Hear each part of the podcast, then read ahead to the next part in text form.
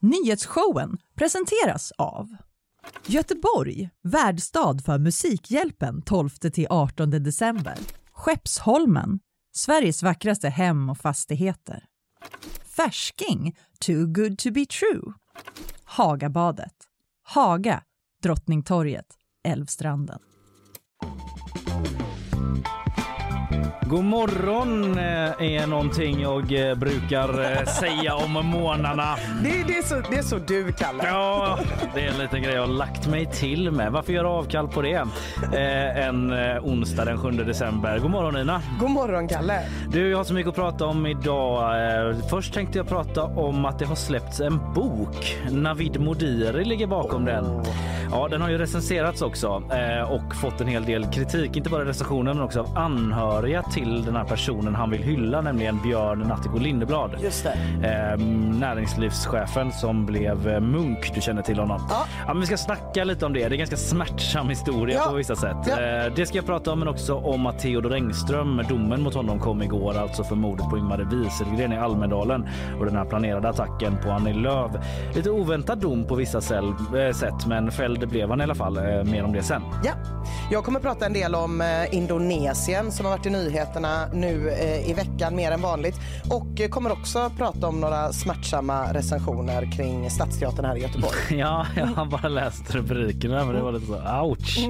Mer om det sen. Eh, Robert Laul kom ju hit också från sportredaktionen. Han har ju varit i Qatar tillbaka sedan ett tag men VM rullar vidare för det och igår vann ju Portugal med 6-1 ja. utan Cristiano Ronaldo från start. Hur heta är de egentligen? Vi ska snacka lite om så här, turneringen hittills och framåt. Lite mer fotboll den här gången. Så här, vilka tror vi kommer vinna och så där. Eh, mm. Det har ju också varit eh, ja, snackisar som pågår med allt som sker i Qatar liksom, runt omkring. Bakvagnen, Nils van der Poel har vunnit bragdguld. Eh, ifrågasätter lite hela poängen med eh, priset faktiskt. Eh, han är ju lite av en kan man säga att han är lite av en skridskofilosof? Han är så jävla skön. Ja, och jag är... menar det med, med, med, på mitt varmaste sätt. Ja, men mm. han, är, han är en karaktär. Och sen mm. eh, kommer jag också ta då det så eh, fram emot sedda inslaget Dagens mest läst på GP. Ja, mm. gött. Jag, jag kommer pynta det. med lite djurnyheter mm. och nytt kring Ronja Rövardotter. Ah, just det. Ja, men det ser vi fram emot. Eh, hur är läget med dig då annars, Ina? Eh, det är väldigt bra. Jag var på firma julbord häromdagen. Ja, ja men inte med GPS för det var igår nämligen. Nej, inte GPS, det var igår. uh, nej, utan med podden Flashback Forever. Ah, just. Du har den lilla podden. Ja, ja, Det var väldigt trevligt. Det är väldigt roligt när man leker att man är ett riktigt jobb. Att man är så, vi ska på julbord, alla får ta med sina respektive. Och så sitter man där. Uh, men uh, det som slog mig då var att det var ett ganska dyrt jul julbord. Jag ska mm. inte säga var det var någonstans i Göteborg, men dyrt julbord, anrik restaurang. En tusenlapp kostade det per person liksom. Ja. och så när vi fick notan i slutet av kvällen så såg vi att 300 kronor för bordsvatten. Nej. Nej men det är väl inte okej. Man känner sig som en sån blåst turist på typ Mallorca. Som så här, aha, borde man fråga när servitören frågar, ja jag vill ha öl, jag vill ha snaps och gärna ett glas vatten också tack. Ja. Vatten sa du? Absolut. ja, jag visste också att de inte hade någon dryckesmeny. Nähä. Jag var typ så, ah, men kan jag få se dryckesmenyn typ? Det har vi inte, men säg bara vad du vill ha så löser vi det. Ja. Jag är ju pretentiös, jag är ledsen. Så jag var så, ah, men kanske något öl från något lokalt bryggeri om ja, ni har. Ja. Ja, vi har Mellerud och Mariestad. Jag bara, okej okay då. Nej, jag skiter i det då. Så lite sur är jag faktiskt. Ja, men jag förstår det. Ja. Jag kommer ihåg första gången jag ens uh, fick Eh, uppleva att det finns sån typ kuvertavgift och sånt ja. där att de tar betalt eh, för vatten och då var jag just eh, på en turistfälleplats i ja. Venedig ja. när vi så tågluffade. Det var så sju killar med en dagsbudget på 150 kronor skulle äta en pizza bara betala så kostade vattnet liksom. Ja. ja 50 kronor då. Precis, eller som man tror att vad gästfria de är utomlands när de ställer fram bröd. Ja, och sen visade det sig att det kostar pengar. Var det också. Om det kostar pengar. Nej men ja, det är julbordstider så jag vill ändå bara höja ett litet varning varningens finger om man går på julbord med jobbet. Mm. Att man kanske inte vill spränga hela budgeten på vatten. Men, våga liksom framstå som lite snåla och fråga Våga om det, för jag tycker också att det är en skitbra regel när man är på julbord och dricka ganska mycket vatten. Ja, för ja. man bara dricker sprit och äter salta saker. Det kan gå så jävla fel. Så att det borde, liksom, borde vara tvång på ingå. Ja. Sticka ut hakan. Ja, men eh, det gör du rätt i tror jag. Ja du, jag tänkte börja prata lite om eh, hela den här eh, recensionshistorien då eh, en snackis i typ litteraturvärlden eller på kultursidorna och i nyheterna. Det handlar om Navid Modiri och hans nya bok. Du känner till Navid Modiri? Det gör jag. Han bodde ju i Göteborg. Ja, han är göteborgare Han är göteborgare, liksom. precis. Eh, Så ja, jag minns att det fanns ett band som hette Navid Modiri och gudarna. Någon sorts ska. Ja, snällska. Snällska.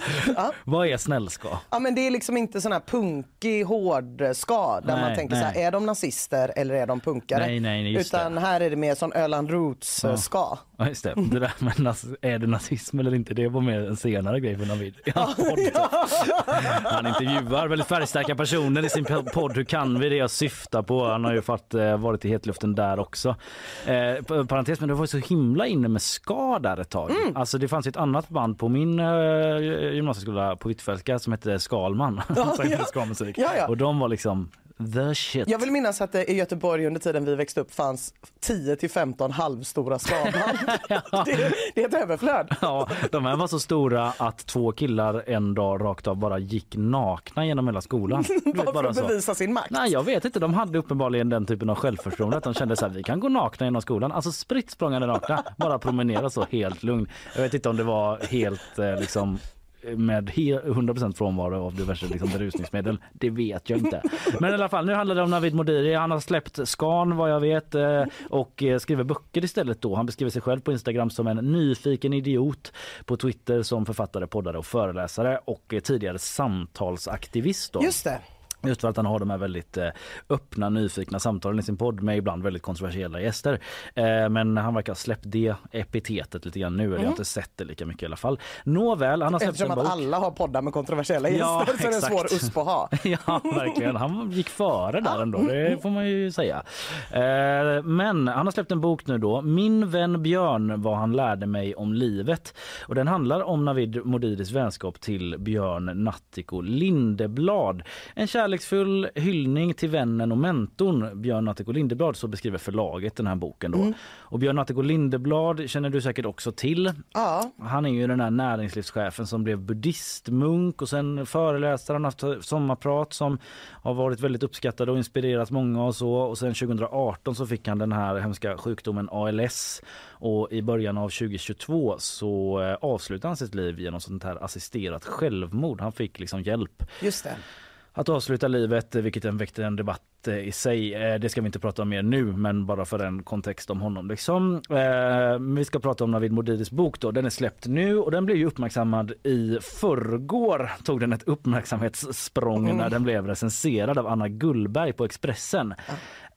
Och det var ändå en fullkomlig nersabling Ja, det det. av både bok och författare, Ja, både och. Ja, skulle jag säga. verkligen. Och inte bara författaren till specifikt den här boken utan också, liksom utan också Navid Modiri i stort. Ja, precis. Hela hans värv ifrågasätts mer eller mindre. Eh, rubriken är så här. Till och med vännens död handlar om Modiri själv. Ah.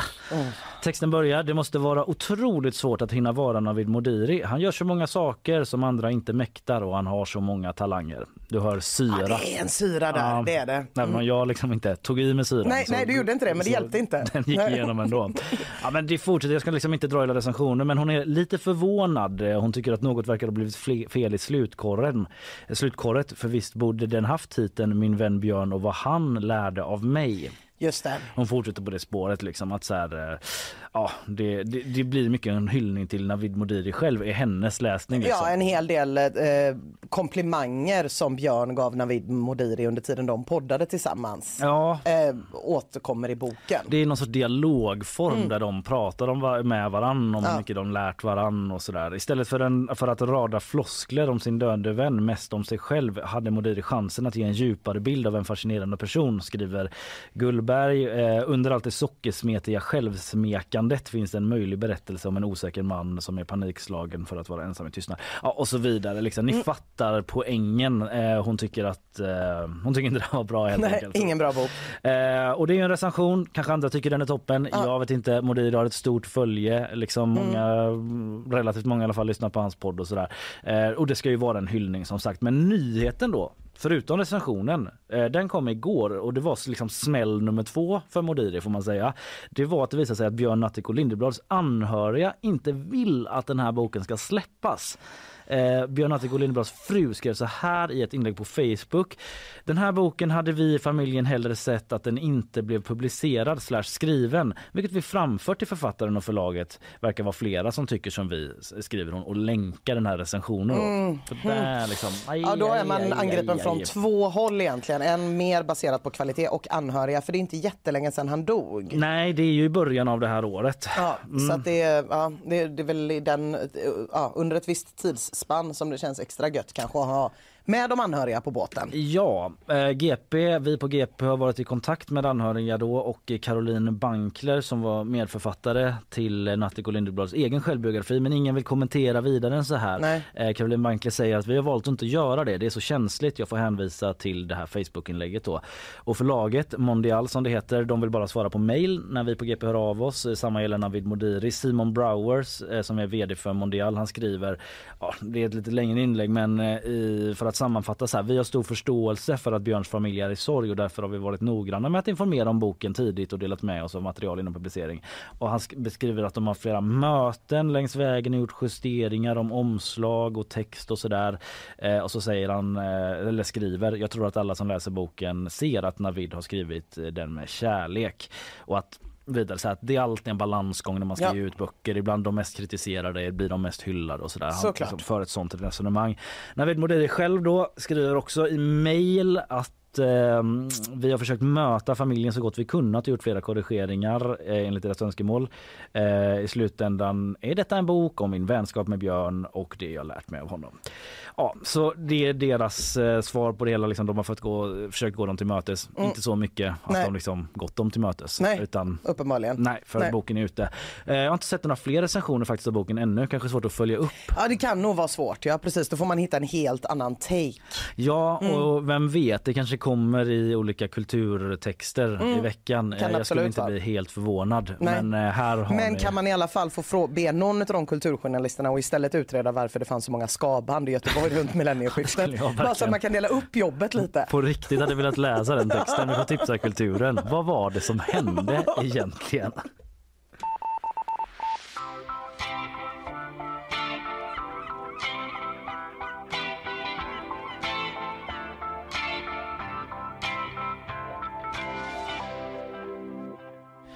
Yes, om en stund ska du prata om Indonesien. Där eh, Jajamän. Händer det grejer hela tiden Det som i alla länder. jämt. Men det har hänt särskilt mycket som har nått liksom, internationell media. Ja precis, Eh, nya ganska extrema lagstiftningar som eh, röstades igenom igår faktiskt. Ja, ja. Mm. Det ska vi prata mer om snart, eh, men först lite sponsormeddelanden. De kommer här. Nyhetsshowen presenteras av Göteborg, värdstad för Musikhjälpen 12-18 december. Skeppsholmen, Sveriges vackraste hem och fastigheter.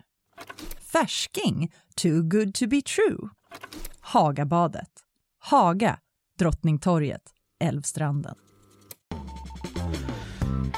Yes, Ja. den lilla korta pausen. Vi brukar ha nyhetssvep men det utgår för att eh, alla var på eh, så här, eh, GPs eh, julfest igår. Just det. Eh, Isabella eh, var dock också det men hon är ändå här och pro- producerar idag. Det är, det är Och då otroligt. kan hon inte göra både och. Nej det, får går vi inte. köpa. Nej, liksom. ja, det får vi köpa. Och man måste få gå på julfest. Ja, Mm. alla utom jag då som var hemma. Strävsam med Kalle Berg. Nej men det hade faktiskt inte. Ja, jo, jag skulle sända men också att... Eh, Svinmånga barn. Svin, svinmånga barn. Liksom samtidens svar på svinmånga barn, alltså två. eh, du, eh, nu släpper jag över till dig. Du ska Ja, prata det. Indonesien. Mm. Jag ska prata om Indonesien för att det pratas ganska mycket om Indonesien nu för tiden. Det här är ett land som brukar kallas för den sovande jätten. Mm. Eh, men nu har den varit uppe två dagar i rad i nyhetsshowen. Jag skulle vilja se det som ett bevis för att jätten är vaken. Ja, den är Nej, vaken. det finns fler bevis. För det, det är ett av världens största eller folkrikaste länder. Ja, ja, det är världens fjärde folkrikaste Fjärde land. Eh, världens största muslimska land. Ja, världens ja. största producent av jättemånga grejer. En svinstor ekonomi. Mm. Ingen, trots det vet ingen någonting om Indonesien. Nej. Men det har varit lite i nyheterna det senaste eftersom att det var en stor eh, jordbävning eh, på Java för några veckor sedan. Eh, och sen så kom också en nyhet om att Indonesien ska sälja Vidi-reservatet. Det är hundra stycken obebodda paradisöar. Oj då. Ja, som ska gå på auktion på Sotheby's med start imorgon då. Och det, de här eh, öarna är omgivet av ett av världens mest orörda korallrev. Oj, på Sotheby's. På Sotheby's, det känns så konstigt. Först en diamant och sen, och de sen hundra öar. Ja. Okej, men eh, varför ska man göra det då? Ja, man kan ju utveckla det till lite vad man vill. Eller som Charlie Smith från auktionsfirman själv sa då, alla miljardärer kan äga en privat ö, men bara en kan sprida ut sig över hundra öar. Och det är väl sant, antar jag. Det är ofta den här typen av knasiga nyheter som Indonesien är känt för. Ja. Liksom, det är ofta det som kommer ut. Eh, Sen så var det ett vulkanutbrott igår där stora delar av allmänheten har evakuerats. Men det går liksom inte att rapportera om alla vulkanutbrott i Indonesien eftersom att det sker exakt hela tiden. Det ligger på något som heter Ring of Fire. Så jordbävningar och vulkanutbrott sker ju ja, men typ hela Ja, tiden. vi hade ju gäst Erik Sturkell i måndags, vulkanexperten. Om man vill veta mer om vulkaner kan jag Ja. bara skjuta in. Sjukt bra. mm. Eh, och jag ska också säga det att min mamma är från Indonesien Mm. så jag har tillbringat mycket tid där och eh, eh, har så många gånger när min mamma, hon har flyttat eh, därifrån nu men hon bodde där under väldigt många år. Eh, jag ringer panikartat, nu är det en jordbävning, hon har överhuvudtaget inte märkt någonting. Nu är det vulkanutbrott igen. Hon bara, jaha är det därför alla getter är på väg in i kyrkan? Jag vet inte. Ja, så att eh, det här är ju någonting som är väldigt vanligt. Men Ja, igår ja. kom en nyhet som skiljer sig lite från hur de brukar se ut och det är det här om att Indone- Indonesien förbjuder samlag utanför äktenskapet. Och det är då att det indonesiska parlamentet igår godkände ganska många lagändringar men det här fick ju mest spridning då om förbud mot sex eh, före äktenskapet och att ogifta inte ska få bo ihop. Ja, I det här lilla härliga kittet passade man också på att göra några andra grejer straffbara. Eh, religiös hädelse, reklam för preventivmedel och att förolämpa president, vicepresident och statliga institutioner. Okej. Ja, inte så gott. Nej, det är inte riktigt den typen av i, eh, frihetsälskande liberala världen som vissa andra länder är kända för. Nej, inte riktigt och inte för att vara sån men i ehm, Eh, inte bara i GP utan i alla tidningar i Sverige så har man ju fokuserat mycket på att det verkar som att man inte får ligga på semesteröarna längre. Ja, men, eh, och det verkar ändå vara en liten detalj i sammanhanget kanske. Men det ska gälla besökare i landet då också, de här Ja. reglerna. Eh, så turismnäringen är ju svinoroliga. Ja. Och organisationer för mänskliga rättigheter tycker också att detta är förjävligt. Ja.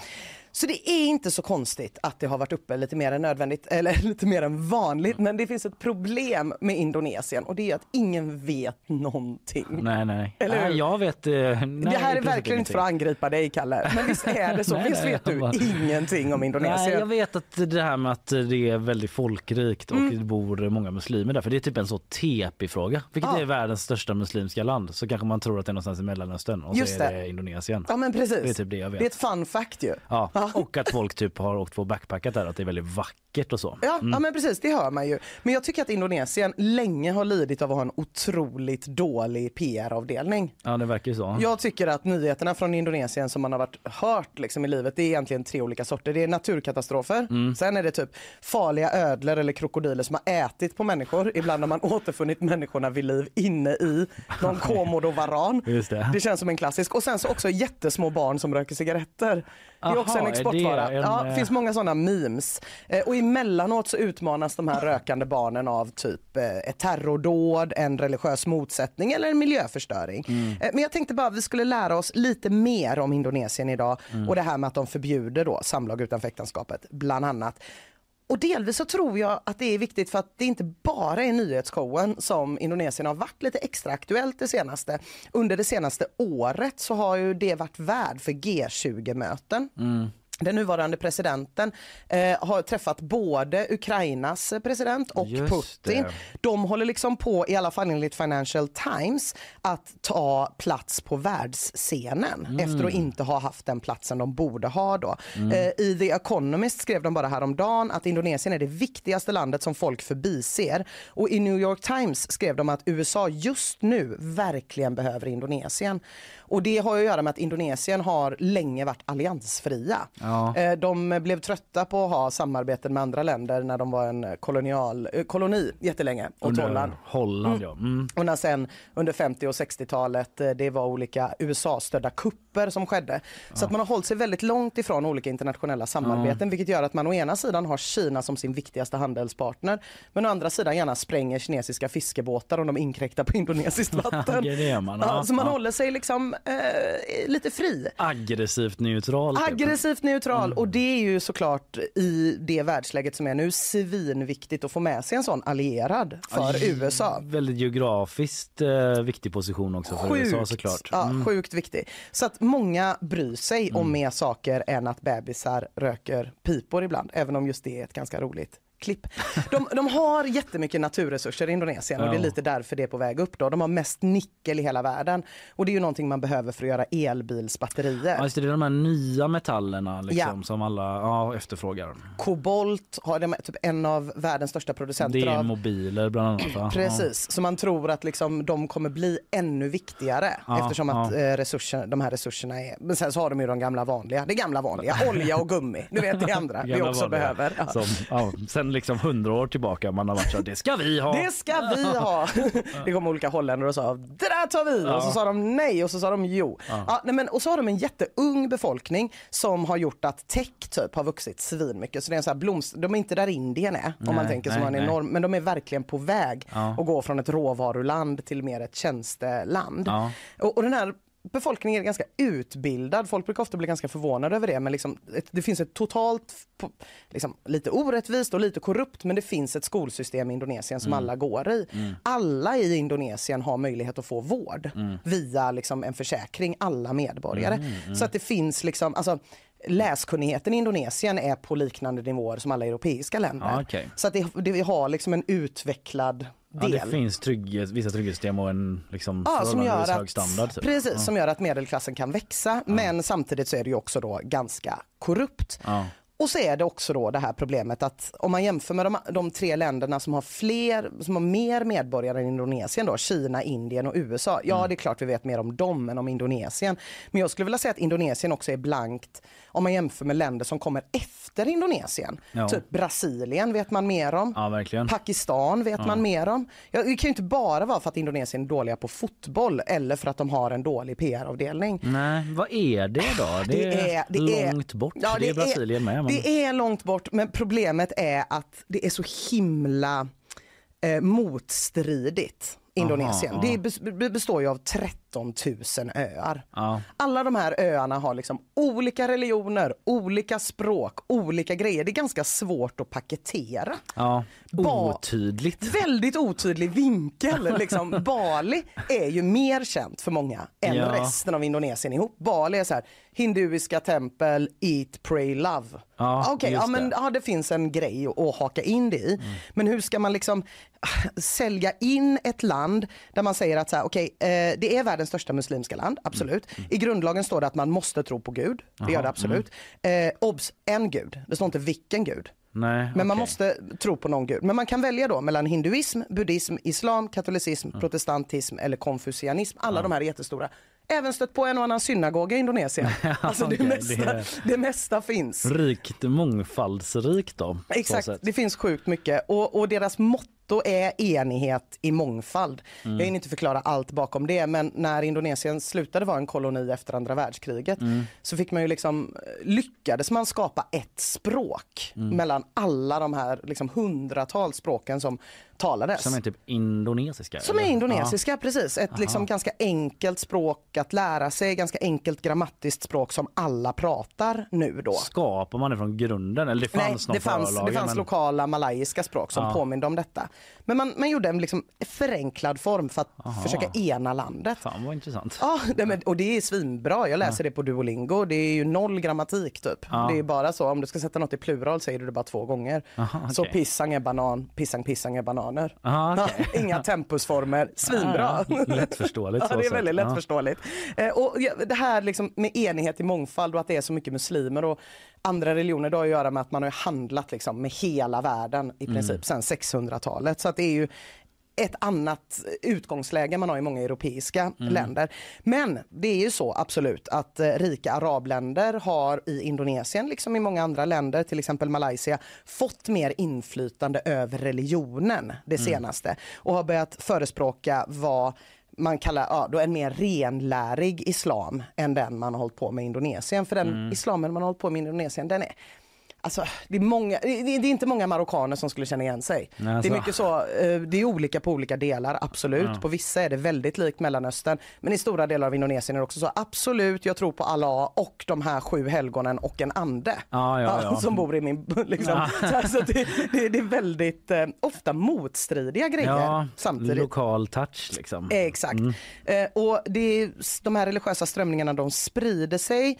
Eh, många konservativa moskéer startar och så. Samtidigt är både landets utrikesminister och finansminister kvinnor som inte täcker håret. Jaha, fan vad vilket, ja det är, det är, det är spretigt Eller hur? Man, bara, Ja. man tänker om man skulle vara PR-avdelningen så skulle man bara Åh, välj ett spår! I can't sell this man! Eh, och så, så är det, de är otäckta eh, och liksom högt respekterade kvinnor i ett land där det också finns ställen där det tillämpas sharia-lagar. Men precis där det tillämpas sharia-lagar tillämpas det också andra lagar.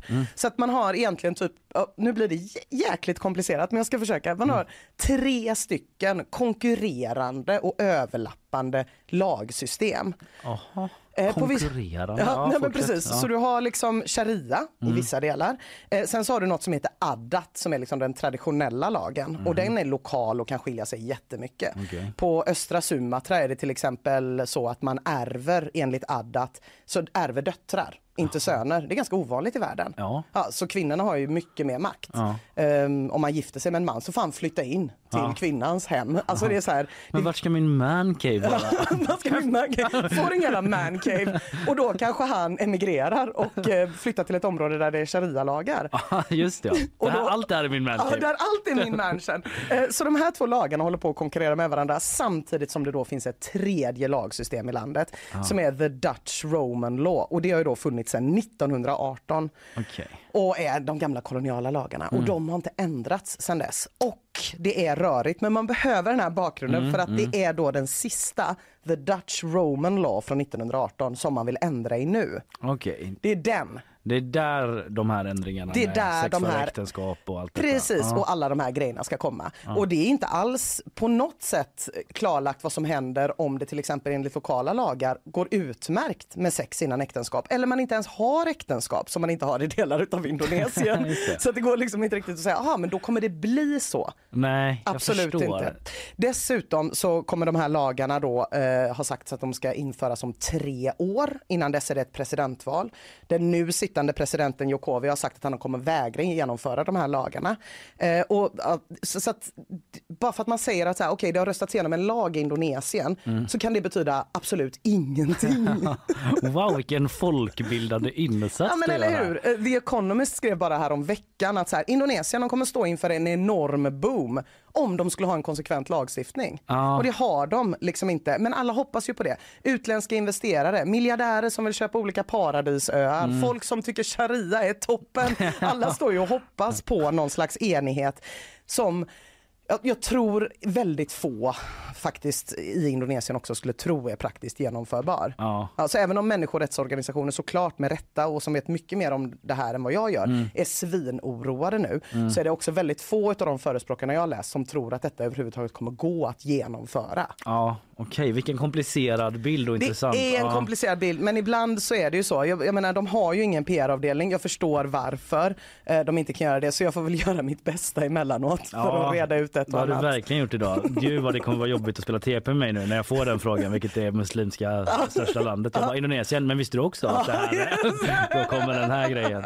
Ja, tusen tack Ina, vi går vidare va? Eh,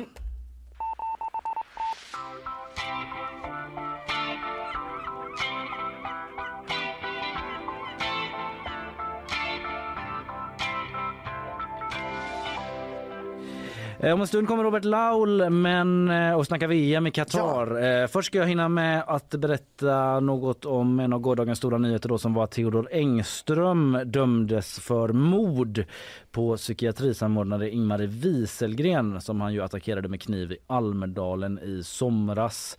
Han döms även då för förberedelse till terroristbrott mot eh, Centerledaren Annie Lööf. Eh, och påföljden blir rättspsykiatrisk vård. Eh, det har tingsrätten sagt att det är bara då den planerade attacken mot Annie Lööf som kan räknas som terrorism. Mordet på Ingmar Wieselgren räknas då istället som just eh, mord. Och det där har folk reagerat på. Eh, vi kommer till det men olika terrorexperter tycker att ah, här kanske inte lagen är riktigt i, i kapp med vad liksom modern terrorism eh, handlar okej. om idag. Mm, mm. Men om man då tar det här med påföljden då med rättspsykiatrisk vård så, så har ju en sån här rättspsykiatrisk undersökning konstaterat att eh, Engström lider då av en allvarlig psykisk störning och därför döms han till vård med särskild utskrivningsprövning. Och det betyder att en domstol, förvaltningsrätten, bestämmer om tvångsvården ska upphöra. Just så det är det. en sån där grej, alltså att man kan sitta resten av sitt liv. Ja. Liksom. Även om livstid brukar vara tidsbestämt så om man får vård på det här sättet så kan man sitta Hur länge som helst. hur länge som helst. Mm. Eh, så så är det med det. Eh, Engström har eh, via sitt ombud då sagt att de inte kommer överklaga det här.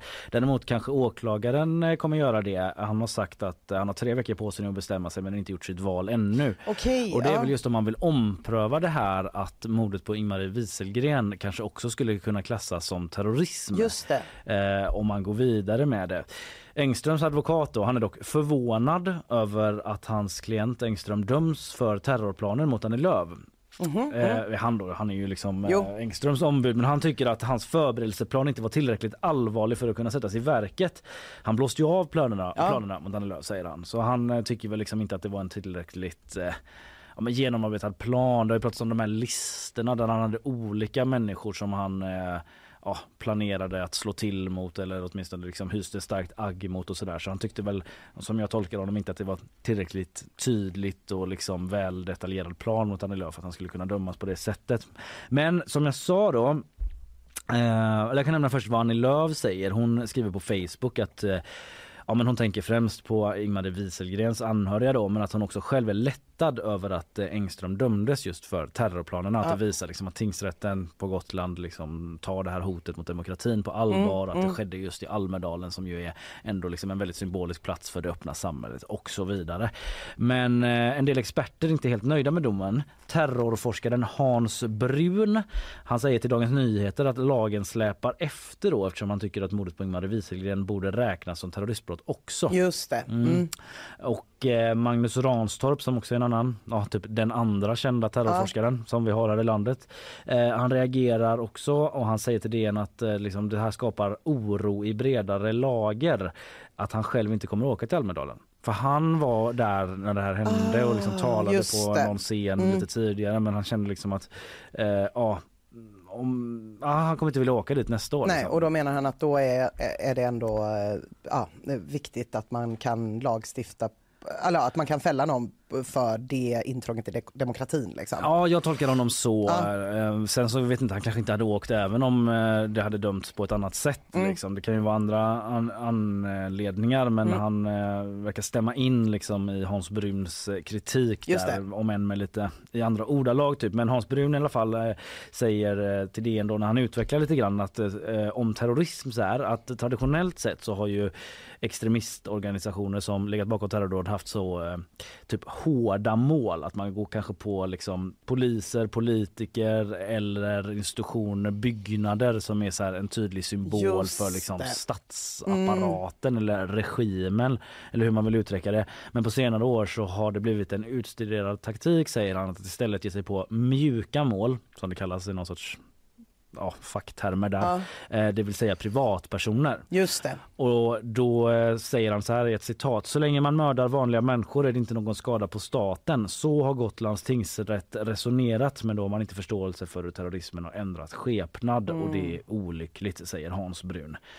Så som sagt vi får väl se då om den här domen eh, överklagas. Ja. Av åklagare är det i så fall vad det verkar eh, om eh, det gör att man resonerar annorlunda då i Ja. hovrätten om det hela den här terrorist eh, Ja, eller om, om det i alla fall liksom blir en ny terrorlagstiftning om man börjar titta på det så att man kan börja Ja, den änden precis. till nästa gång så att säga. Och där finns det mycket åsikter också om hur en sån skulle vara utformad och huruvida det hjälper eller inte. Mm. Men det är en senare debatt. Men där har ni det i alla fall. Domen kom igår.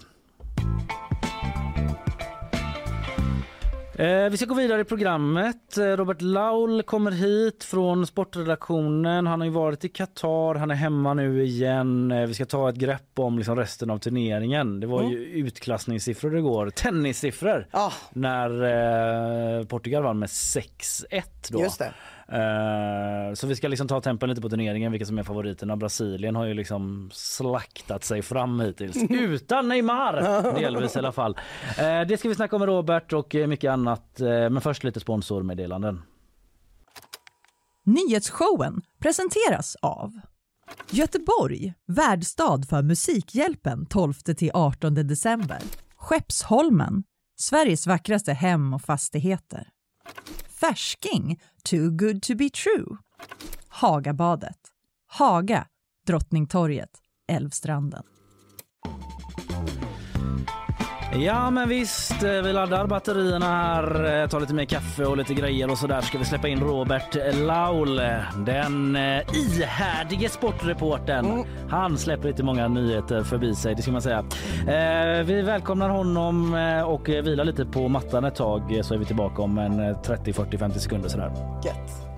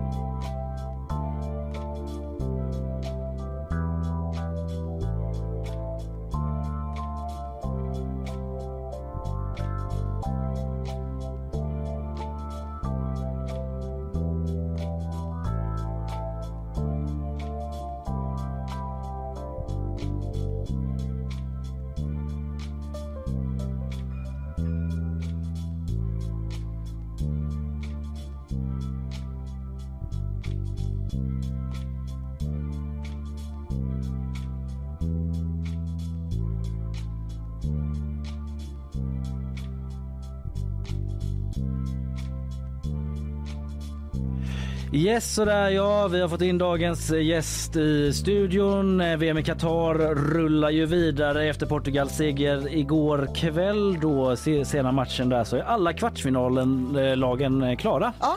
Åtta lag återstår i den här eh, mycket omdebatterade turneringen då som vi har följt eh, hela, eh, ja hur länge har du hållit på nu egentligen? Två, tre veckor. Vi tar det med vår gäst Robert Laul, GP Robert. Sportreporter. Hej! Tjena tjena, god morgon. God morgon. Du kom liksom innan vi kastades in i VM med breaking news om att det är ganska mycket snö. Jag var, trodde mest- ni drev med mig. Gaslighting eller vad Jag det? mest fascinerad över hur du kan ha missat att det är liksom en halv meter snö ute och att bu- bu- bussjäveln fastnade i någon backe där för att någon söndagsseglare inte hade fått på vinterdäcken och satt fast och blockerade allting precis där de bygger som mest i Gamlestan. Så jag fick ut och rusa efter liksom spårvagnar och nya eh, busslinjer för att ta mig hit. Men nu är jag här. Ja, du hann. Det var tur vi pratade så länge om Indonesien och Navid Modiri och allt möjligt. Ja, men jag cyklade hit så himla tidigt så när jag var ute så var det bara liksom någon enstaka snöflinga. Men är du seriös när du säger en halv meter snö? Det är Nej, det är jag inte riktigt. Men, eh, men jag är väl ungefär lika seriös eh, som, som, som din omvärldsblick när du inte ens noterat att det är snö ute. Så att jag jämnar ut balansen där lite. Ja, det gör du sannoliken. Uh, ja, men bra. Lite väderinformation först där då. Uh, Ja, det får man säga. Du, eh, om vi bara, vi ska gå igenom, vi ska ju liksom kasta oss in i lite mer det sportsliga här och typ lagen som är vidare och, och, och sådär. Men om vi bara börjar, du var ju här för några veckor sedan innan du skulle åka till VM och eh, ja, eh, då eh, kanske inte VM-febern riktigt hade infunnit sig riktigt, även en bit in i gruppspelet så pratade vi ju här liksom. Men hur är det nu skulle du säga? Tycker du temperaturen har stigit? Ja, det måste man ju ändå säga att den har. Eh, det är klart att ingången på det här VMet, eh, och det ska vi säkert prata mer om senare här, eh, var ju väsensskilt mot hur det brukar vara. Um, och det, det, har man ju också märkt, liksom, inte bara i GPs rapportering, men i, jag menar hur tv visar det här och man integrerar liksom den politiska bevakningen på ett helt annat sätt i sportbevakningen än som har gjorts tidigare. Och det tycker jag att medierna har gjort jävligt bra. Och jag hoppas att det inte bara är när VM är i Qatar den här typen av sportjournalistik får en så framträdande roll. Utan jag menar nu ska VM spelas i, i, i Kanada, USA och Mexiko 2026. Det är väl alldeles utmärkt att, att, att rapportera på ungefär samma sätt då. Mm. Så att det, det kanske blir lite stilbildande den typen av, av, av eh, sportjournalistisk rapportering helt enkelt tack vare att, att det hamnade i Qatar. Ja. Upplever du nu då att det har svalnat med den typen av rapportering? Att bara okej okay, nu har vi gjort det, nu blir det fokus på fotboll mm. eller? Jag förstår du menar där men, men jag kände liksom inte riktigt att den var pliktskyldig den här att, att, att alla sportjournalister så här bara fy fan nu måste vi ta upp det utan mer liksom att mm. alltså, duktiga sportjournalister mm. som är där liksom, mm. duktiga journalister och, och de har verkligen gjort jobbet och, och frågorna har varit relevanta och, och, det har funnits ett gensvar eh, bland läsarna. Så det är väldigt kul att göra den typen av journalistik. Så att, eh, jag kände inte att det var pliktskyldigt. Men det är klart, någonstans så blir det ju efter ett tag en, en nyhetsvärdering. Mm. Och när du har rapporterat om migrantarbetarna, bristen på, på liksom respekt för mänskliga rättigheter, att Qatar är en icke-demokrati, homosexualiteten som är förbjuden och allt det här som vi tycker är, är vedervärdigt. Jag menar, när, när det liksom blir stora resultat och stora nationer går vidare, det blir skrällar, det, det blir ju också ett stort nyhetsvärde i det som mm. man måste förhålla sig till. Mm. Ja just det. Va, va, om, vi, om vi ska ta de där skrällarna, vad, vad har vi för utropstecken rent sportsligt eh, som du vill ta upp? Ja ett tag så small det ju liksom eh, kors och tvärs till höger och vänster eh, just eh, ur ja. överraskningsperspektivet. Ja, liksom. Alltså de stora grejerna det är ju liksom det att Tyskland åker ur sitt mm. andra raka gruppspel. Det är ju oerhört liksom. Fan, de vann VM 2014, gick inte vidare 2018 och inte 2022 heller. Eh, Danmark att de åkte ur, det, det har jag inget emot. Eh, det är bra för Sverige de får inte bli för, för liksom störska där eh, Nej, jag... på, på, andra sidan vattnet. Va? Så att, eh, det var väl kanon, men det är ju en skräll för de har ett jättefint lag. Att Belgien åker ut i en jätteskräll. Ja. Och där de... avgick förbundskaptenen direkt efter ja. typ, va, i Belgien. Ja men exakt, och jag menar Belgien har ju Sverige i sin EM-kvalgrupp här nu mm. fram, i, fram i vår. Ja, liksom. Så att eh, någonstans är det här också goda nyheter för, liksom, för Sverige att det går lite knackigt för de här.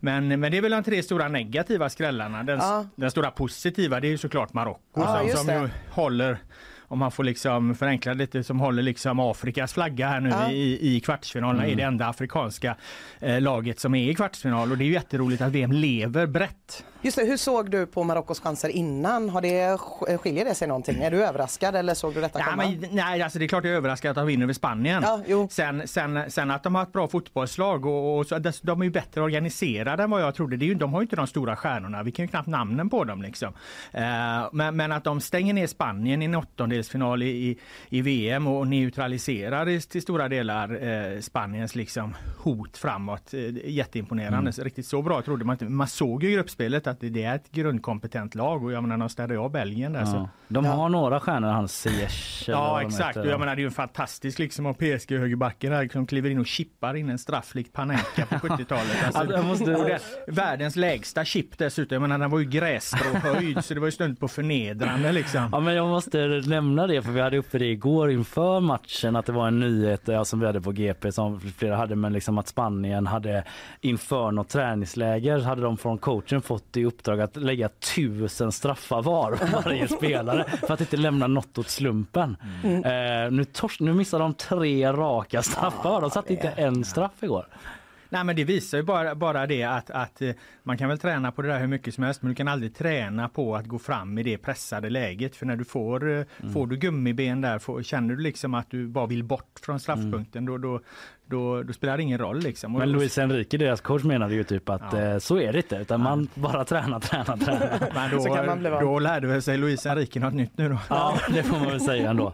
Bara innan vi går vidare till slutspelet, eh, du nämnde ju Tyskland också, för där Mm. har det ju varit för de som missat det, men alltså de hade ju den här protesten i någon match att de höll för Mm. munnen som att så här, ja, vi har munkavle, vi Just får inte det. uttala oss om mänskliga rättigheter och sådär. Mm. Sen när de åkte ut nu, då var det i eh, katarisk tv eller? Mm. Där det utspelar sig lite senare. Ja, de gjorde ju lite liknande, liknande där och höll för munnen och liksom vinkade bye bye till, Ja. till, till Tyskland ungefär. Så att de, de, de eh, högg väl tillbaka då på vad de tyckte var en, eh, var en onödig gest liksom. Så att eh, det, det, det Eh, ja, alltså vi, vi tycker hån. vad vi tycker om det här mästerskapet att det går där så det, men det där var ändå lite underhållande kan jag tycka.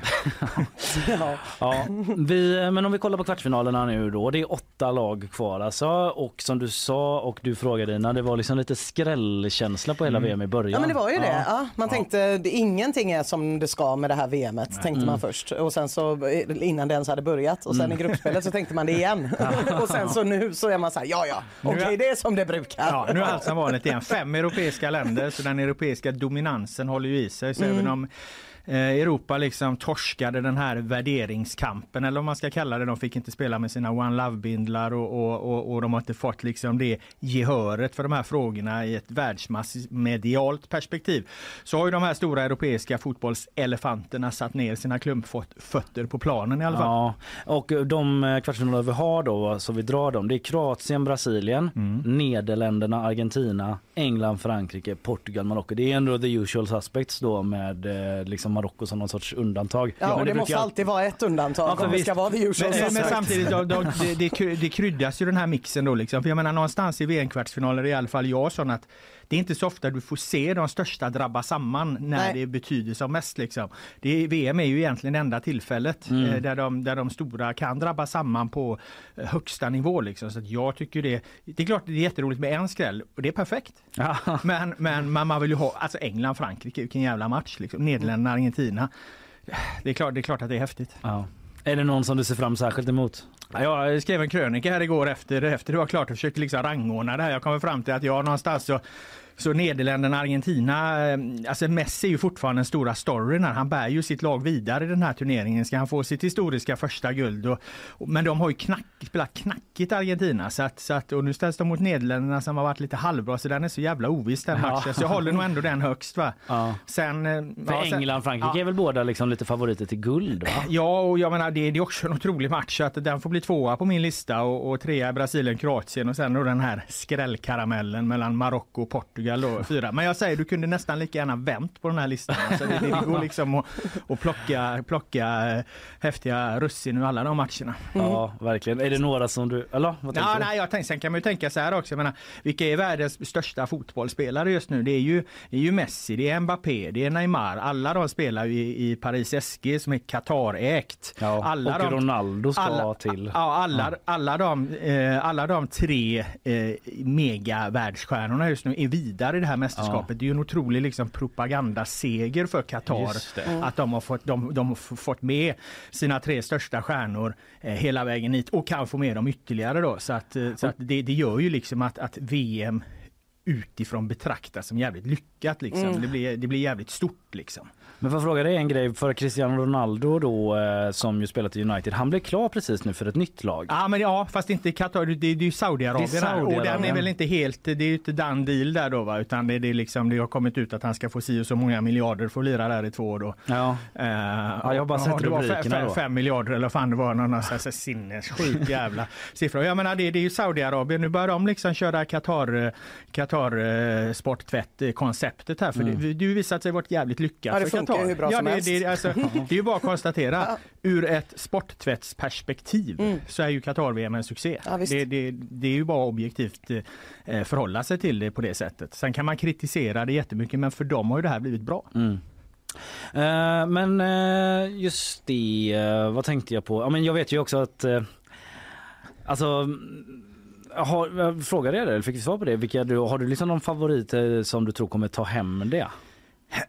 Alltså jag har ju en favorit med, med hjärtat och en med, med, med hjärnan så att säga. Jag tror ju att, att, eh, att Frankrike kommer vinna det här. Jag Ja. tycker de har nått den högsta nivån. Eh, men jag hoppas ju att Brasilien vinner, för Brasilien är mitt gäng. Ja, Jag du har varit i många år Brasilien jag har hållit på Brasilien sedan 1982 sen jag skärmade så ett fotbollslag. Ja. Menar det där som fastnar när man är liten, det, det Men försvinner är- ju inte. Är det. Det är lite samba-takter igår, eller det är väl alltid det, men det var något mål där han liksom nickade tre gånger på huvudet. Ja, ja. Och, eh, Jo, men de har, de har absolut fått till det. Så att det är klart att de- de, är ju på ena halvan av det här då slutspelsträdet, Frankrike är på den andra. Så att jag menar de, de, de, de kan ju mötas i, i finaler. Där tror jag Frankrike blir svåra. Nu imponerar ju Portugal så jävla mycket så att nu Mm. får man ju fundera att alltså, klara Frankrike Portugal då i en eventuell semifinal. Det är det, ja.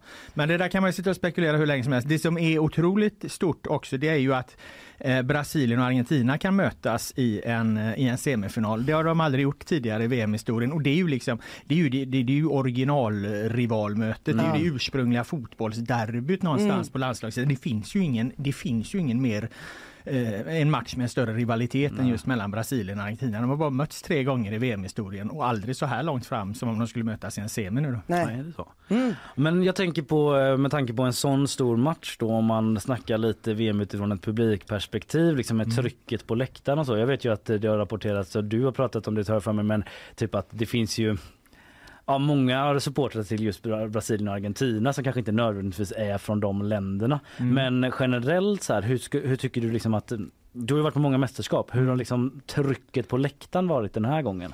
Nej, inledningsvis så var det ju, undrar man, då märkte man knappt att det var ett VM. Jag var ju där nere de här första dagarna och, och öppningsmatchen var ju, var ju katastrof liksom. Då kände man ju det här, det var mest sorgligt att se hur, hur personer i publiken gick efter en halvtimme när det bara går dåligt för, för Qatar och så. Det, det var ju väldigt plastigt och, och, och påklistrat och, och så. Men sen så, sen så började det ju välla in liksom horder av argentinska supportrar och, och mexikanarna var ju för fan eh, nästan lika många. Jag tror argentinarna var någonstans 30-40 000 och mexarna inte långt efter. Brasilien är massa.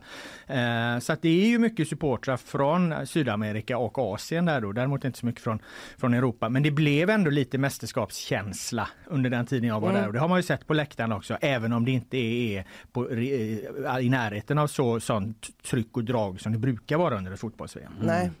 Ja, men, och hur eh, utanför arenorna liksom? Har du kunnat känna igen någonting från tidigare mästerskap? Ja det var väl då när, när argentinarna och sta- sydamerikanska fansen helt Ja. enkelt. Och jag menar vi satt och käkade där en kväll och då, då, då kom ju de marockanska supportrar i liksom ett tåg genom torget där och, och, och, och sjöng om eh, Mariana tror jag det var liksom.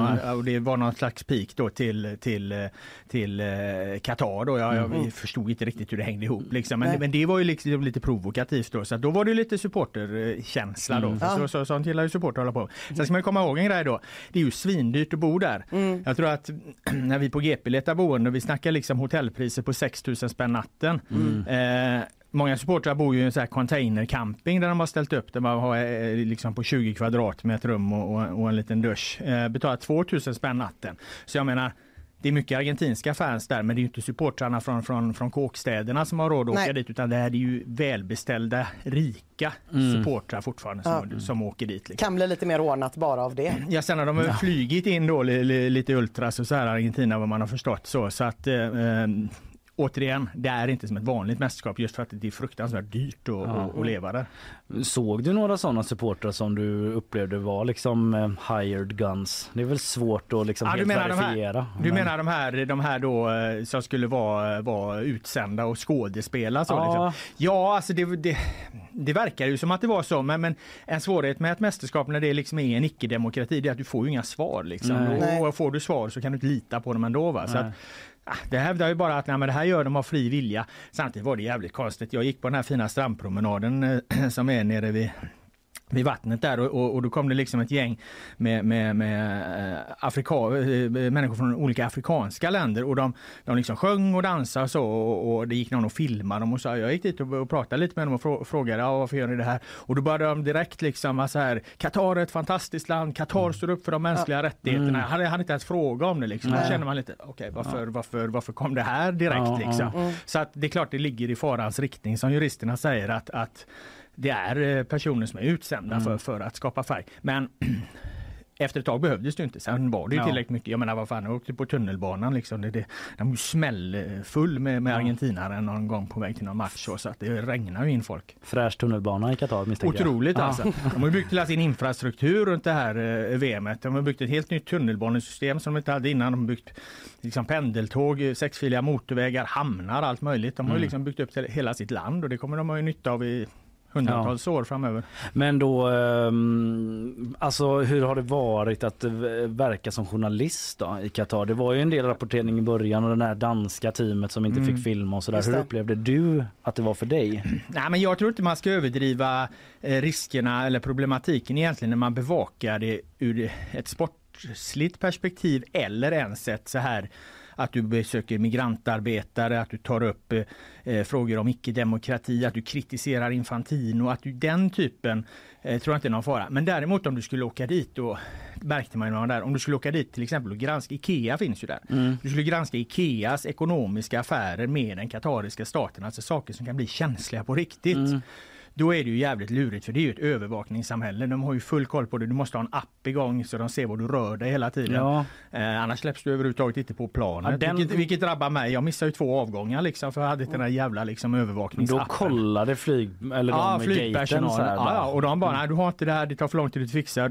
Sorry but you're gonna miss this plane. Liksom. Det är ju det man inte vill höra när man är, när man är utsänd. Men Så är att- den, var den bara laddad ner? Den blev så nyfiken Nej, nej för fan. Eller var den tvungen att regga nej, sig? nej, och- den, den, den liksom skulle du, du först ladda ner, sen fixa ett, det var en extrem noggrann process för att få ett foto godkänt. Det var det jag föll på liksom. Jaha, okej. Och jag hade bytt telefon precis i den Hade du något sånt gammalt Just- när det var liksom Nej. 25 och skitsnyggt? typ, Nej, och nej absolut är- inte. Men jag hade missat. Jag hade, jag, eftersom jag bytte telefon precis innan jag skulle åka så jag inte hade min vanliga telefon Ja. eftersom de får tillgång till all information på telefonen. Så måste jag ha lånetelefoner. Just det. Eh, så missade jag att det här fotot inte var godkänt och då ska det skickas till de katariska myndigheterna. Så det är nästan som en Oj. visumprocess. Liksom. Ja. Och sen så stod, det människor och delar ut simkort i taxibilar och hotellpersonal delar ut simkort bara för att du ska vara uppkopplad hela tiden så att de hela tiden ser var du rör dig. Du kommer inte på tunnelbana, bussar utan den här jävla appen så du kan liksom inte tra- transportera fan. dig i landet. Så de har ju full koll. Skulle du då göra något som hotar eh, deras ekonomiska intressen på riktigt. Liksom. De skiter väl i om, om, man, om man kritiserar dem i åsiktsfrågor och så. Men skulle du granska Ikea eller någonting Ja, då, då, då får du veta att då är du övervakad hela tiden. Då får du göra det jävligt försiktigt liksom. Om de inte ska ta det och plocka det för något, bara hitta på någonting. Att här har du gjort ett brott, nu får du sitta här liksom ett tag.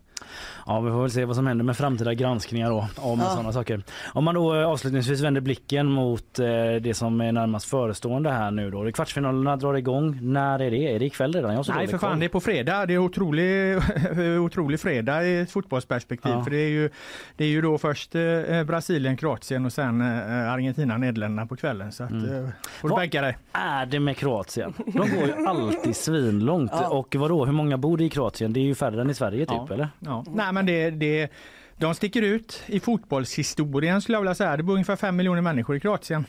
Det är så Eh, jävla sjukt att de är så och, bra. Och, och man, man, alltså, den, den, den bästa förklaringsmodellen varför länder är bra på fotboll det är ju att eh, om det bor många människor då får du fram fler bra Ja. fotbollsspelare. Eh, I kombination med kultur då. Eh, Att du har liksom en djupt rotad fotbollskultur eh, som, som, du kan liksom, som du har varit noggrann med och, och hållit i över tid. Och det är bara att konstatera att det har ju Kroatien gjort. Ja för ibland är det ju att vissa länder säger okej men eh, i det här landet bor inte så många men alla spelar fotboll. Det finns inga Men- andra sporter. Men Men Kroatien är ju vi, bra på... vi i Sverige måste ju ändå vara duktigare än kroaterna på typ så här knattefotboll och möjligheten för barn att spela och föreningar. De kan väl inte slå oss på fingrarna med infrastrukturen för VM barnfotboll? i speltid för nioåringar. Kan vi arrangera Nej, men det, det, det, är ju jätterele- det är jätterelevant för infrastruktursfrågan tycker man ju borde betyda mycket mer än vad den egentligen gör. Va? Men, men, men eh, av någon anledning är det ju inte alltid så. Och, eh, Men de är helt otroliga. De är grymma på handboll, typ utförsåkning. Det, det är liksom helt eh, makalöst faktiskt. Ja, ja, sidospår. Men fredag då, då eh, blir det jävla fotbollsfest i rutan. Du kommer vara bänkad Robert, det fattar man ju. Självklart och eh, fan jag ska försöka vara det också om jag hinner med. Eh, Robert, tusen Ja. tack för att du kom hit. Tack, tack. Eh, vi hörs snart igen, det är jag Yes. övertygad om. Det gör vi såklart. Ha det gott! Ha det, Hej, hej.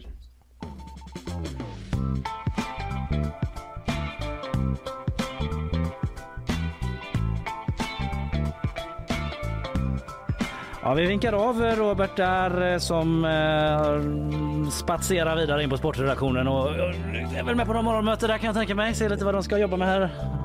Du, vet du vad? Det är så det funkar på en tidning så jag tror du har helt rätt. Det finns morgonmöten. Tackar, tackar. Eh, ännu ett eh, rätt för mig. En Kallebergsseger ännu en gång. Du, eh, vi ska in i bakvagnen här om en stund eh, och jag ska ta också dagens mest lästa. Alltid lite spännande. Oh, vad är det som folk har gått igång på det senaste dygnet på gp.se. Ska också snacka lite om eh, Nils van der Poel då, eh, skridsko slash manifestkingen Ah. eh, som vunnit eh, bragdguldet. Och du har också lite grejs. Ja, det blir både Lady Gaga och Borås. Så du hör ju. Wow. Otroligt. Eh, först lite sponsormeddelanden.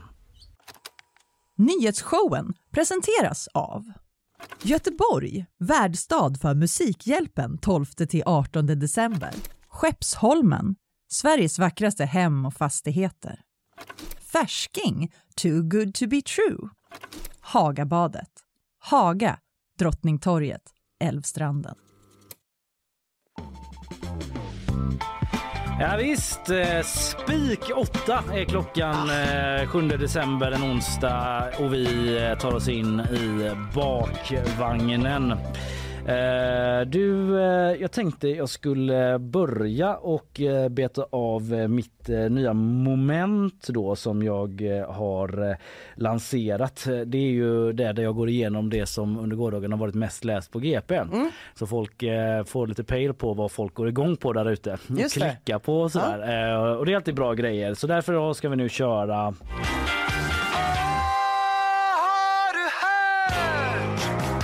vad som var mest klickat på GP igår. Det är en liten jingel som, som eh, Tack, jag jobbar Kalle. med. Ja, det var så lite. Jo, eh, så här är det. Vi eh, har rubriken Ensamstående Sanna måste välja bort frisör och dejter.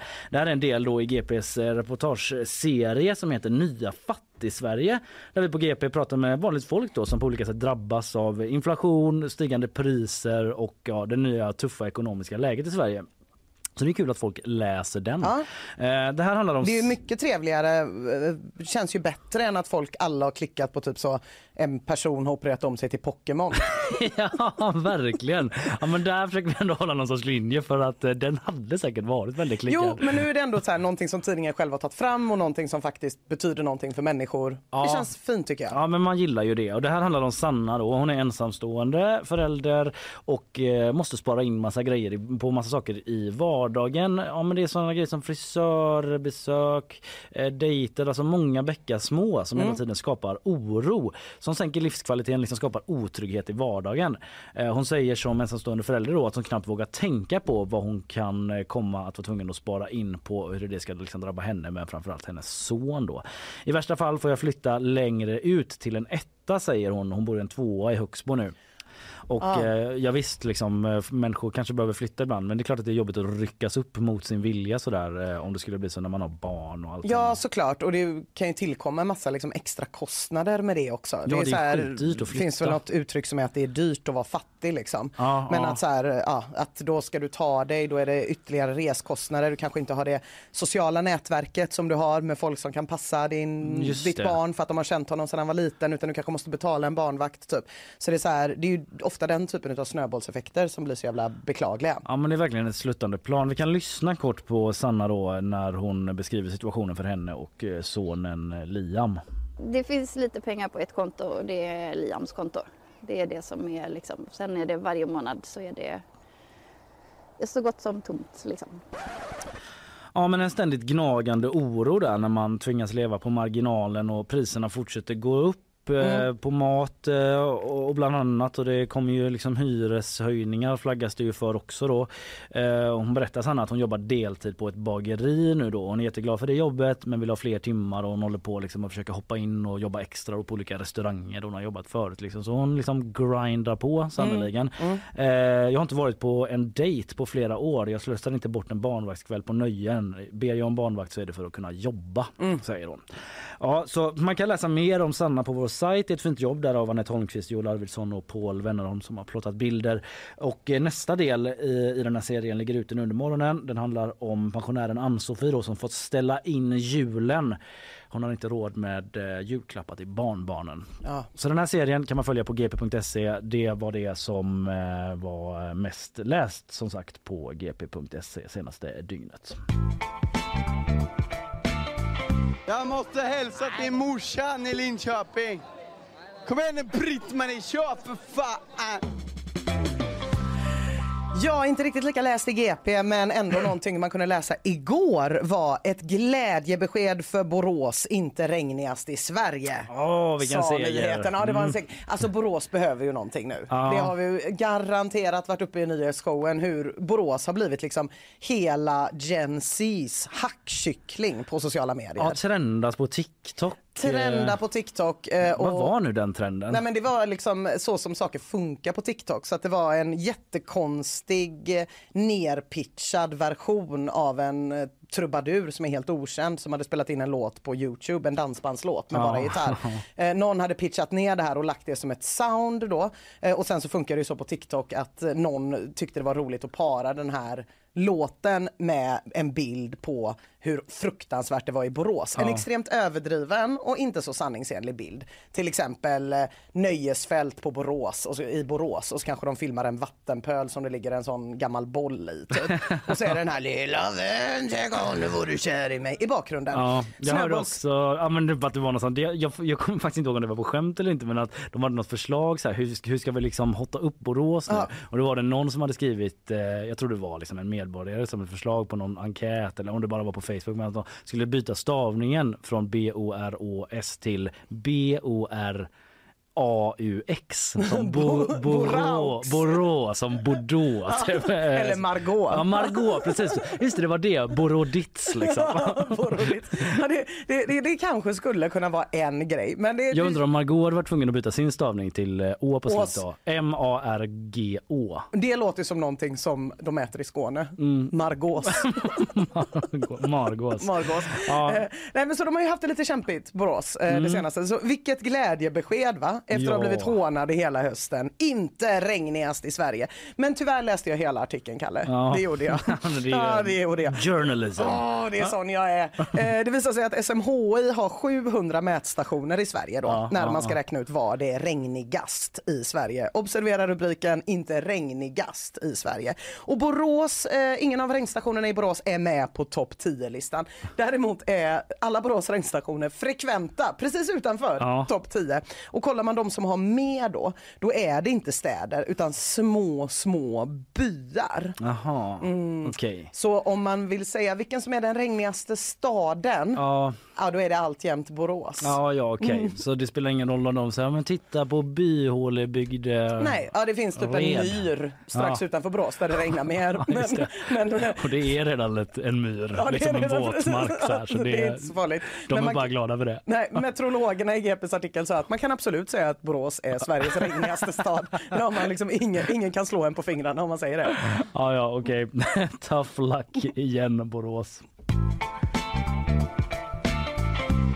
Det går ju liksom inte att åka härifrån sporthallen alltså förlora mot Fliseryd B. Liksom. Det går ju inte ens väg för fan till Fliseryd. Alltså det är ju... Alltså det, det funkar ju inte. Det funkar inte att åka till jobbet imorgon. Liksom. Hur gick det? Vi förlorade mot Fliseryd B. Okej. Ja.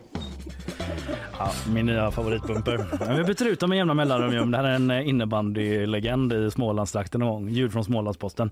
Som har förlorat mot Fliseryd B borta. Du, eh, jag ska snacka om bragdguldet nu men Ja. jag tänkte bara skjuta in nu när du nämnde det med Borås och TikTok. Eh, Hörde du vilken låt som var typ den mest spelade använda på TikTok? Nej. Det var den, en svensk låt, eh, Young Lean. Eh, en nästan tio år gammal låt med svenska rapparen Young Lean var den låt som hördes mest i hela världen på TikTok under 2022. Och det var den här Ginseng, eh, Ginseng Strip 20, eh, 20, 2002. Ah, sjukt. Ja, Ja, det är den, eh, otroligt. Vänta, det är den här. Just det, just det. Den har jag sett många gånger när jag Ja. scrollar. Jag följer mest matkonton på TikTok så det är olika koreanska kvinnor som gör kimchi till den här musiken. Okej, ja men den har liksom använts till att ljudlägga massa grejer då liksom. Eh, ja, ja i alla fall det var en kortis. Men eh, jag skulle nu prata om eh, bragdguldet ju. Det delades ju ut igår det här priset som ges ut av Svenska Dagbladet. Det är väldigt prestigefyllt hedersvärt eh, pris som jag vet inte hur länge de har hållit på, skitlänge. Eh, Eh, och det ska ju då ges till det som de anser är eh, varje års eh, främsta svenska idrottsbragd. Och priset gick då till skridsko och manifestkingen Nils van der Poel, eller NVP. Som jag som brukar du, säga. Som exakt jag. bara du brukar säga. Absolut ja. Mm. NVDP blir det ju inte Ja, men jag, dessutom. NVP är bättre. Ja, det gör det. Eh, så det har jag tagit med friheten. ja, men han eh, hade ju haft ett kanonår. Du med lite holländskt blod Ja, har där- väl koll. ja, holländarna är stolta också. Ja, Mm, det är ju liksom han som utmanat holländarna som är världsledande i skridskor då, Ja. och eh, slagit dem i OS. Han hade ju ett helt eh, magiskt OS då där han vann dubbla guld och slog världsrekord och det var helt otroligt och sådär. Ja. Sen la han av Ja. kort därefter och släppte det här manifestet då. Ehm, som jag sa redan då att det, han stod för en väldigt positiv värdeomladdning för ordet manifest. Mm. För det är tidigare mer förknippat med kanske så här urnabombaren. Ja, Eh, eller det. typ så folk som eh, eh, filmar sig själva när de begår fruktansvärda terrordåd. Typ. Ja. Eh, men eh, här var det ett ma- träningsmanifest istället då eh, där han berättade typ eh, att han äter chips och dricker vispgrädde för Mm. att han tränar så mycket. Han cyk- cyklar 67 timmar per dag. Och då är det inte att han är ute och söndagscyklar liksom, Nej. eller har elcykel utan då är det Sitter bara på en riktig spinningmaskin. Ja, och bara dunka på. Han gjorde det även typ efter tävlingar och så. Att han bara, ja vad skönt att jag vann, jag ska bara träna lite också. Det är bara fira med två liter vispgrädde och sen upp på cykeln. ja men exakt.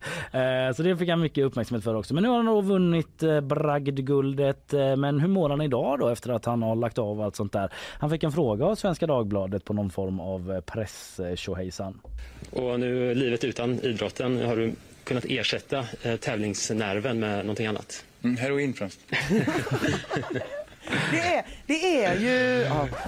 Man blir ju så glad när en idrottare kan svara på en fråga på ett kul sätt. Ja, han bjuder på det ändå. Mm. eh, Ska jag, till. jag liksom hade med lite, för det är en, en svår eh, position att dra ett sånt skämt i också Ja. för att reporten blir lite så Mm.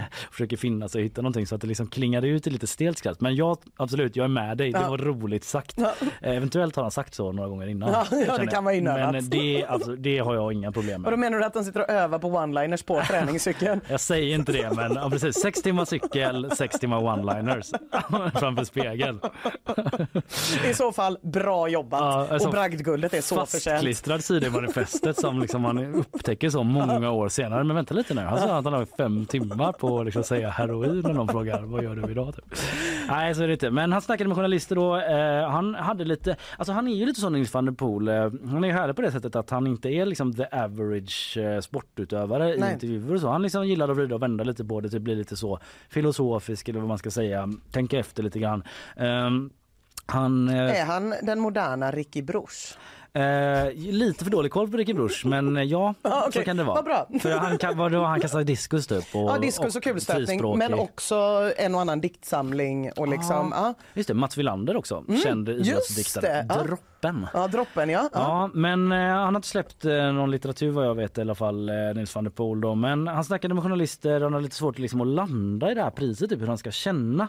Eh, han som sagt vrider och vänder lite på det. Vi kan lyssna här när han pratar med eh, SVT och ett gäng andra journalister. Men ljudet är från SVT. får man utmärkelsen för att någon tycker att jag är bättre på att åka skridskor än Marcus Eriksson är på att köra racerbil. Eller så här, Men typ hur man värderar man en idrottsprestation? Eh, Men ah, han är liksom inte supertydlig här men, Nej. men det är ändå någonting om att så här, han tycker det är lite svårt att värdera sin insats mot någon annan som Ja. är jättebra liksom. Ja, och det brukar ju mer låta så här, ja det är många andra som har varit bra så att det känns ju extra kul. Men vem är jag att säga att jag är bättre än någon annan? Men här, ja, här broderar han ut det lite. Ja. Jag tror det finns en droppen där inne Det som tror vill jag komma med. ut. Mm. Eh, För det är ju inte precis de här liksom så här, det är magiskt, det går snabbt Nej. överkrampt att sätta ord på. Nej. Jag vill ju framförallt eh, tacka min tränare. och Så. Nej. Nej. utan han liksom försöker lite andra. Men han har lite svårt att pejla in på typ vad han själv känner.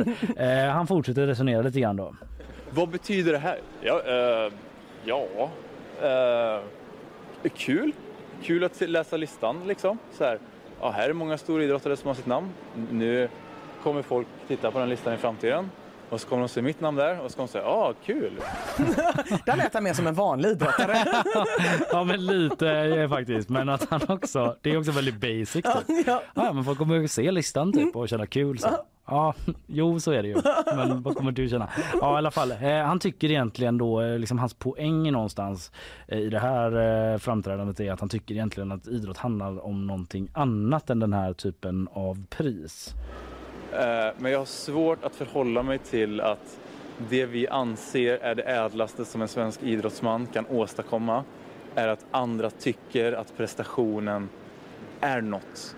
Och för mig är det inte idrott. Alltså idrott är inte tillfredsställ andra, gör så att andra tycker att du är bra. Det är liksom konstigt att få en utmärkelse över det i en verksamhet som, som så tydligt liksom prisar prestationer, för det är det vi gör. Va? Ja, lite snurrigt va? Alltså jag förstår för att det är ju ändå någonstans att han också har fått pris för prestationen. För så Ja. jag tolkar honom att så här, för honom inte idrott handlar liksom inte om att andra ska liksom eh, bekräfta dig att du är så himla bra Nej. utan det handlar om liksom någon sorts nu är det jag som tolkar honom Ja. men eh, utveckling, idrottslig prestation, maximera din kropp och sådär men eh, det är Jo, ändå för alla typ, oss andra som tittar så handlar det jättemycket om att han ska ta en medalj. Ja det gör det ju Tyvärr. verkligen. Det är svårt att argumentera Mm. mot. Men det är också typ att priset handlar ju om vem som har utfört den största bragden då. Mm. Och en bragd kräver ju en idrottslig prestation. Ja. Det är det han menar att det handlar om. Ja, jag vet inte. Han kanske liksom i, i nästa andetag eh, var ännu mer genomtänkt. Typ. Jag har liksom inte hört exakt allt men det, det var lite konstigt typ. Eh, Mm. Det lite är väldigt ovanligt också att en eh, idrottsperson vill tona ner vikten av prestation. Verkligen. Det känns ju mer som någonting man hör när man kanske diskuterar konst Ja, och kultur. Att man säger så här, "Ja, ingen kanske läser din bok nu.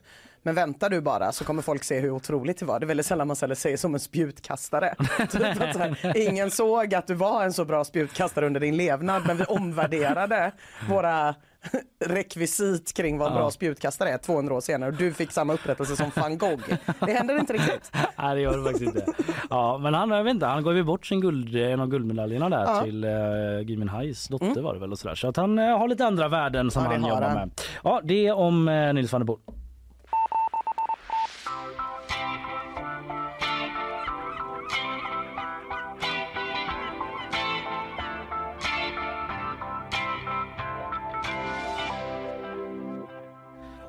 Ina. Ja, eh, på tal om Ricky Bruch, var det jag som nämnde Ricky Bruch? Ja det var det. Men på tal om Ricky Bruch, det har i och för sig jättelite med Ricky Bruch att göra. Ja. Men han... Men ta chansen Ina. Jag tar chansen att prata om honom när jag kan. Eh, han var ju med i original Ronja Rövardotter.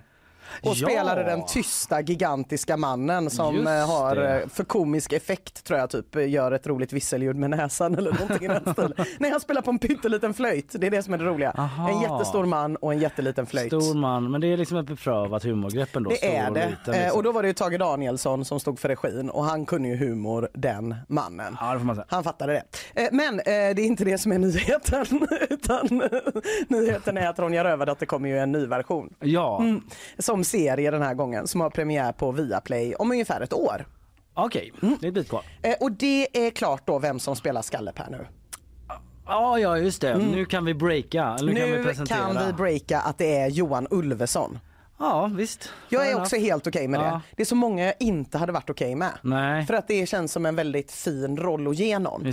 Så att man vill inte att det ska vara en skådespelare som man inte tycker om som hade mått bra av att få träda in i alla Nedvalls gamla tofflor. Nej, Det är ju det att det är Allan också. En One of the great Mm. One of the great. actress. Men eh, Johan Ulveson tycker jag absolut får vara med. Så att eh, de har mitt godkännande på den castingen. Grattis! Han, han är ju också ofta lite typecastad för att spela lite sådär sk- skör på något Ja, sätt. ja. Eh. ja precis, det är han ofta. Det, han har alltid varit, min, min första Johan Ulveson upplevelse är från julkalendern med Ture Sventon som gick när jag var liten när han var Ville Ja, Vessla. Eh, Och ända sedan dess när han satt i någon liksom, hade svaga ben i någon garderob och drack hallonsaft Ja. så man alltid tänkt att om man skulle krama honom så skulle han liksom dö. Ja. men det känns ofta som att han blir typecastad för sånt. Eh, och de andra rollerna är redan klara och då kanske folk tänkte när de såg eh, rollistan på vilka som spelar Ronjas föräldrar och så vidare. Mm. Men var är Pernilla Pernilla August. Hon måste ju vara med. Ja. En sån regel finns det ju. Verkligen. Eh, Och då kan jag lugna alla med att säga att man har skrivit en ny roll Ja, som just inte finns med i original-Ronja. Hon måste in, de kom på det här misstaget. Ja, Vad fan ska vi göra? var är Pernilla? Ja, kan vi ju skriva in inte. typ en Nej. sån liksom modersgestalt till? eller? Exakt. En borgmästare är det. Ja, ja. Till en by. Som ligger i utkanten. En by. Det tyckte jag var sjukt. Att Ja. eh, I min Ronja finns ingen by. Nej för där i gamla Ronja så existerar ju inte riktigt eh, liksom mainstream-samhället. Det är bara det här skuggsamhället ute i Det skogen liksom, med sitt skuggsamhället. parallella rättssystem. Ja. Liksom. Idag så hade man ju typ satt in liksom militär, hade det varit debatt. Ska vi ha det? Ja, gud, ja. Liksom, socialt utsatt Det område. hade skrivit så många reportageböcker om folk som hade suttit nere i den där gropen och studerat Ja men verkligen av... att det Ja. kommer någon från SOS och bara ursäkta vad kallar ni det här för? Ett helveteskap? Det borde inte okej. spärra av. Typ. Och det är ingen som håller på och hoppar över. Va? What, what? Gör inte det! Vad är det för sjuk hedersgrej att de ska se vem som vågar? Ja, verkligen. ja, det är konstigt. Men eh, om man tänker efter lite på gamla Ronja så finns det ju ändå en scen där rövarna rövar från köpmän. Ja, Och det exakt. vittnar ju ändå, om man tänker till lite, om att det måste finnas en by någonstans. Ja. För det kan ju inte vara att köpmännen bara rider runt som bete i skuggsamhället. Nej, utan de nej, måste ju uppenbarligen vara på väg från en laglydig plats till en annan laglydig plats. Ja, det är inte som att de är som vildvittror och rumpnissar. Liksom. Nej. Köpmän som stryker runt i skogen. Typ. Men i och med att man såg den som barn så tänkte man inte på det. Nej. Nej. Men nu då har ju de, eh, kanske för att Pernilla August måste vara med, kommit på att det finns en by där det finns en borgmästare som är arg över att rövarna tar från köpmännen. Ja, ja. Mm. Ändå en bra sak att hugga tag i för att ge kontext till hela storyn. Precis, det tycker jag med. Eh, Jag är lite orolig för att det kan bli lite för mycket geopolitik bara. Eh, Och Johan Ulveson har sagt att i den här nya filmatiseringen så kommer det finnas blinkningar till sånt om Game of Thrones. Mhm. Och även om jag är en stor fan av Game of Thrones så vill jag ändå inte ha såna långa maktspelsscener. Nej, nej. Det är jag sjukt osugen på. Att Mattis går i någon trädgård så Ja. med någon och bara... dricker vin och Ja. pratar i 45 minuter fast Ja. inte riktigt med så tajt manus som det är i Game of Nej, Thrones. nej precis. Att han går redan 40 minuter och sen är det lite paus med sån bärm, bärm, bärm, bärm, och så tar tillbaks. Ja. Och så klipper de in Ricky Bruch som spelar näsflöjt och så är jag nöjd igen i och för sig. Ja, i och för sig. Ja.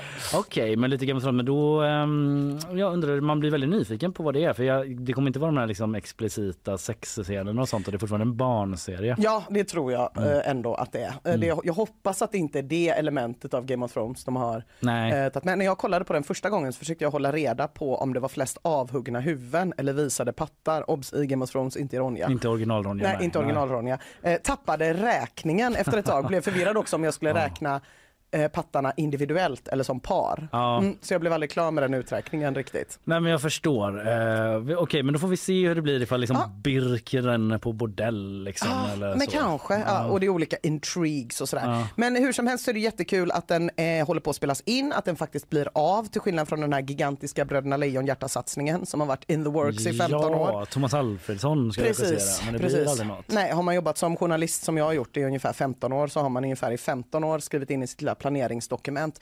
Kommer nog eh, bli aktuellt i mars med inspelning av Bröderna Lejonhjärta. Jag Ja. tror jag har eh, breakat nyheten om att nu börjar de spela in Bröderna Lejonhjärta kanske tio gånger under min karriär. Mm. Det är någonting med bolag och rättigheter. Och... Det är bolag, rättigheter, ja jag vet inte. Sidospår. Det verkar inte funka i alla fall. Ja, Okej, men eh, Ronja blir av i alla fall. Ronja blir av med Johan och Pernilla.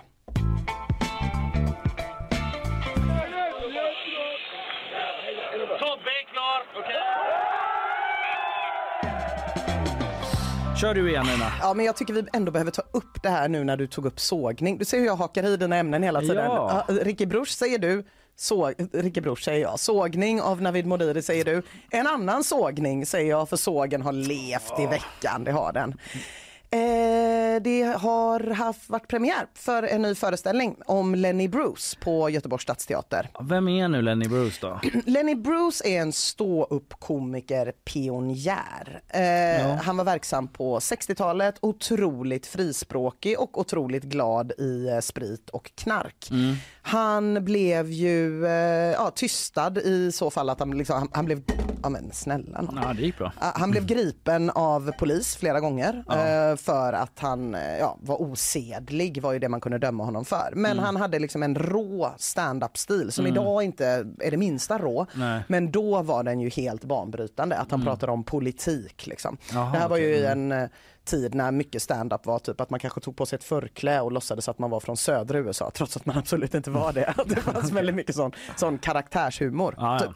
Det räcker för mig. Ja, det räcker för dig. Men Lenny Bruce är ju en 40-talisthjälte skulle jag säga för Ja. många 40-talister eh, för att han ja, liksom, eh, var så himla modig och gick mot strömmen. Och då när Stadsteatern satte upp bestämde sig för att sätta upp en Mm. pjäs om Lenny Bruce liv, då castade man Claes Malmberg. Och det finns ju lite frågetecken kring det. Lenny Bruce var 40 år och eh, när han dog, Ja. utmärglad. Eh, och Claes Malmberg är 60 år och inte jätteutmärglad.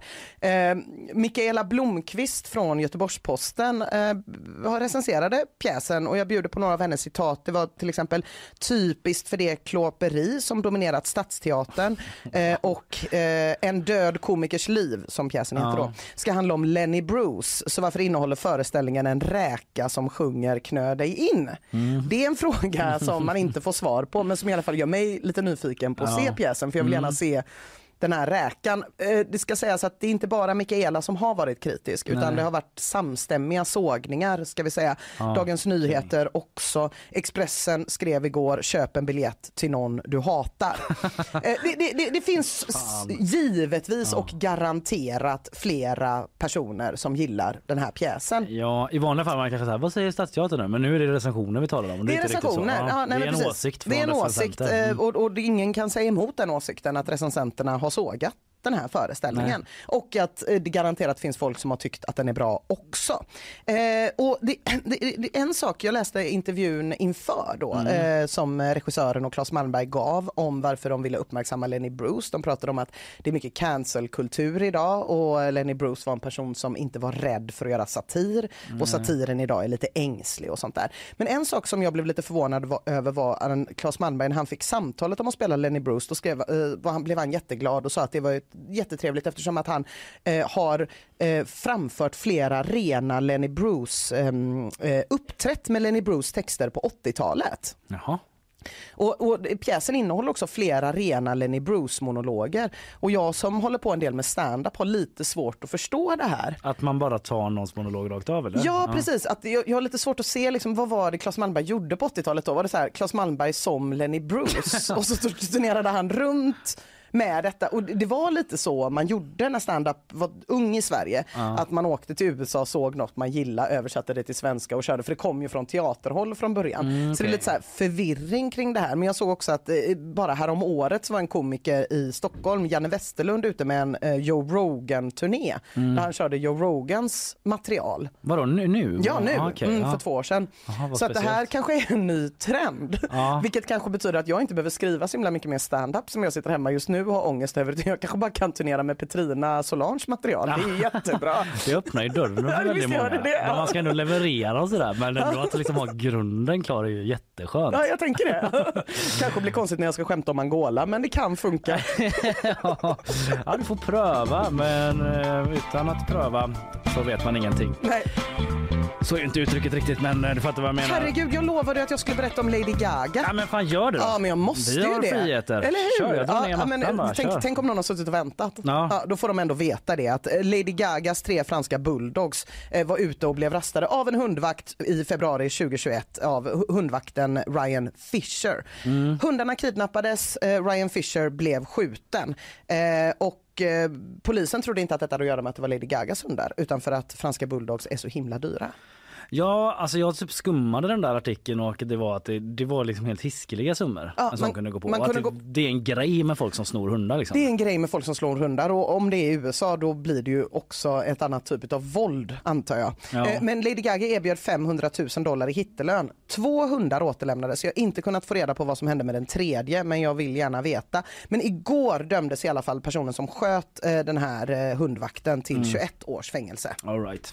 Jag tar en sista kortis också då. Jag har liksom liksom ingen typ spin eller twist på det. Men jag bara Inte jag heller. Jag bara sa Lady Gaga tidigt och ville inte att någon skulle känna att de inte fick det de ville Nej, ha. nu fick man det. Mm. Eh, Donald Trump eh, vill jag nämna en gång för att hans bolag döms för omfattande skattebrott. Jag bara liksom ställer av det för att det är ändå en ganska stor grej. Liksom att Ah. så här, han själv då var inte åtalad i må- målet, han är ordförande för det bolaget. Men så här, bolaget Trump Organization döms för en rad skattebrott av en domstol i New York. Det är ju ändå USAs förra president och en som vill bli det igen då.